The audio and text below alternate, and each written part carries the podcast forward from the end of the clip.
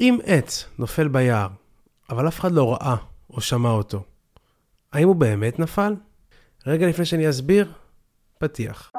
We've met before,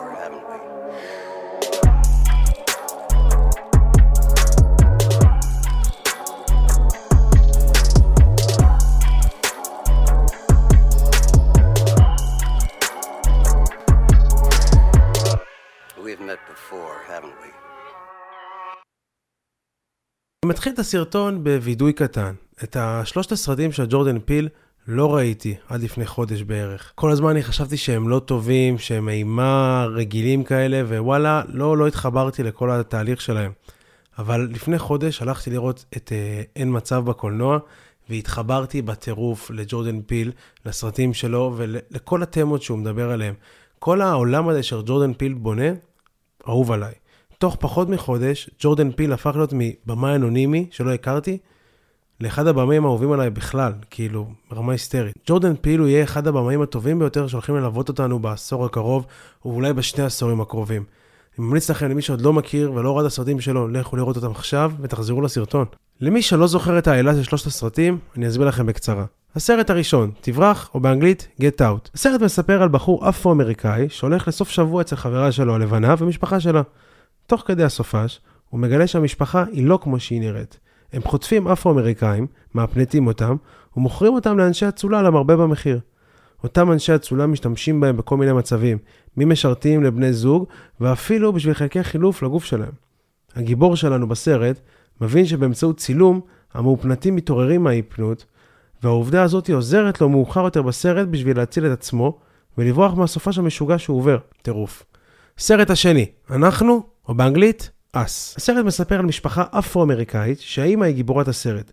האימא מתמודדת עם טראומה מילדותה, בה היא ראתה שיבוט שלה. המחזה הזה גרם לה לפוסט-טראומה, והיא כמעט שכחה לגמרי את המקרה. אנחנו כצופים חווים את הזיכרון שלה כפלשבק, שהולך וגדל במהלך הסרט, עד שהוא מגיע לסיומו ואיתו הזיכרון המלא. במהלך כל הסרט, המשפחה נרדפת על ידי השיבוטים שלהם שמנסים להרוג אותם. למעשה, השיבוטים של כולם באמריקה צצים פתאום, ורוצחים את האדם המקורי שלהם. לקראת סוף הסרט, אנחנו מגלים שהשיבוטים האלה הם ניסוי כושל של ממשלת ארצות הברית, ושהניסוי כשל, הממשלה החליטה לנעול אותם במנהרות מתחת לאדמה. עד שיום אחד, השיבוט של האימא שאנחנו מכירים, הוא התגלה כמיוחד מבין כל השיבוטים, והיא הנהיגה מהפכה אל מול העולם האמיתי. בסוף הסרט, אחרי שהאימא ושאר המשפחה האמיתית שלה מצליחים לשרוד את המתקפה ולהרוג את השיבוטים של עצמם, אנחנו רואים את הפלשבק המלא, ורואים שהאימא, שאותה ראינו כל הסרט, היא למעשה השיבוט, והיא התחלפה עם הילדה האמיתית אז, שהן היו קטנות. הטוויסט הגדול התגלה, ומה שחשבנו כל הזמן לא היה נכון. הסרט השלישי והאחרון לבינתיים, אין מצב, או באנגלית, no.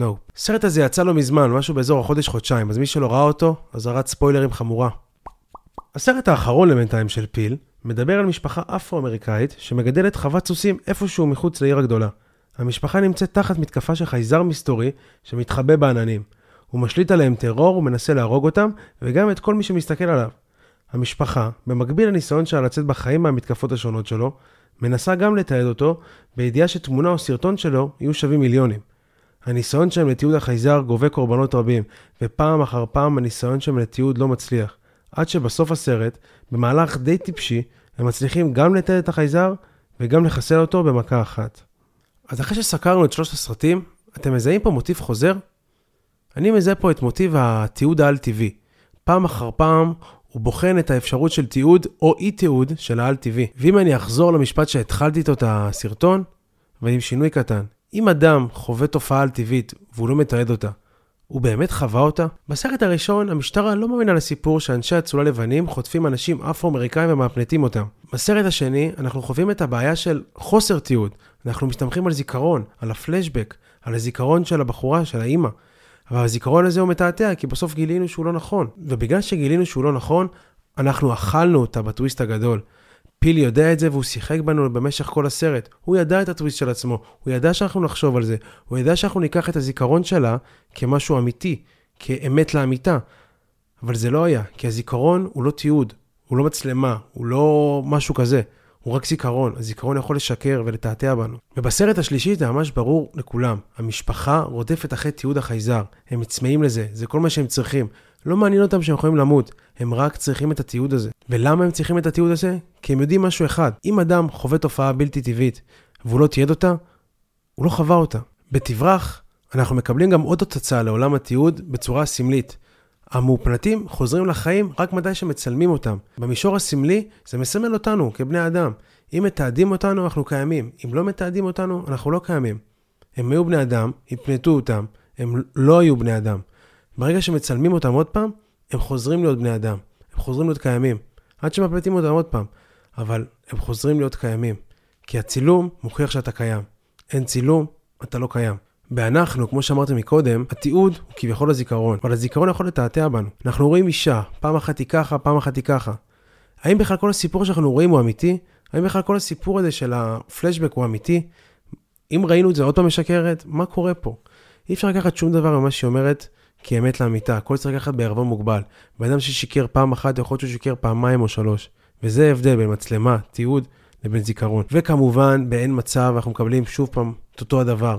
אם אתה לא מצלם את החייזר, הוא לא קיים. אם הוא לא קיים, אתה לא מקבל מיליונים. אם הוא לא מקבל מיליונים, אתה לא חי. ואם אתה לא חי, אתה לא קיים. אם אתה לא מצלם, אתה לא קיים. וזאת בדיוק הביקורת שג'ורדן פיל מנסה להעביר בנו. אם אתה לא מתעד משהו, אתה לא קיים. בעידן הרשתות החברתיות והאובר שיתופיות, אנשים, אנחנו, בני אדם, וגם אני, חייבים לתעד ולתעד את עצמנו. אם אתה לא מתעד, אתה לא קיים. אם הלכתי למסיבה או לאיזה מסעדה, אני חייב לעלות סטורי, אני חייב לעלות תמונה. ועוד יותר, אם אני מעלה תמונה, אני חייב שהיא תהיה יפה. כי אם היא לא תהיה יפה, לא יגיבו לי, לא יעשו לי לייקים. והוא מראה לנו את זה גם באין מצב. המשפחה היה לה תמונה של הדבר הזה, של החייזר, במצלמת אבטחה. אבל הם לא הסתפקו בזה, כי אמרו, לא, זה שווה כמה עשרות אלפים. הם רצו בימוי הוליוודי. הם הלכו לקיצון. גם אנחנו, בעידן הסטורי, אנחנו כל הזמן מנסים להשתפר ולהשתפר, ולא מסתפקים בצילום הכי פשוט שיש.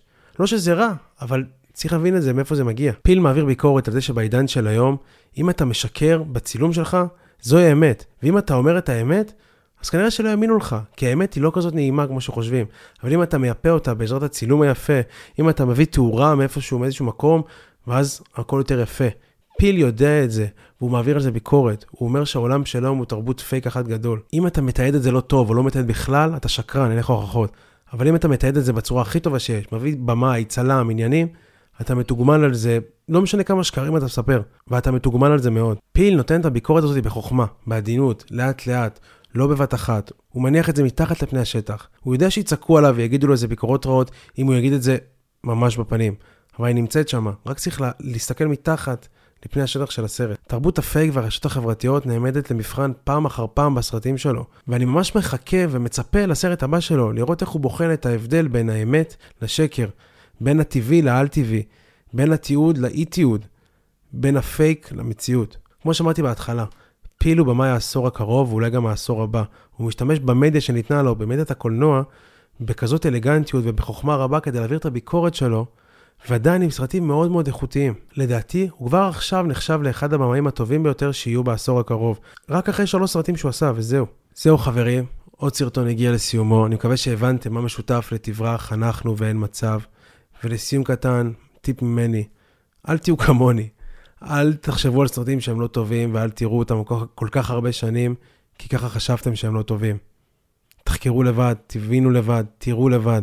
ואם אתם אוהבים משהו שאף אחד לא אוהב, זה בסדר. ואם אתם לא אוהבים משהו שכולם אוהבים, זה גם בסדר. תחקרו, תלמדו ושיהיה לכם דעה שונה מכולם. אוהב אתכם. להתראות. We've met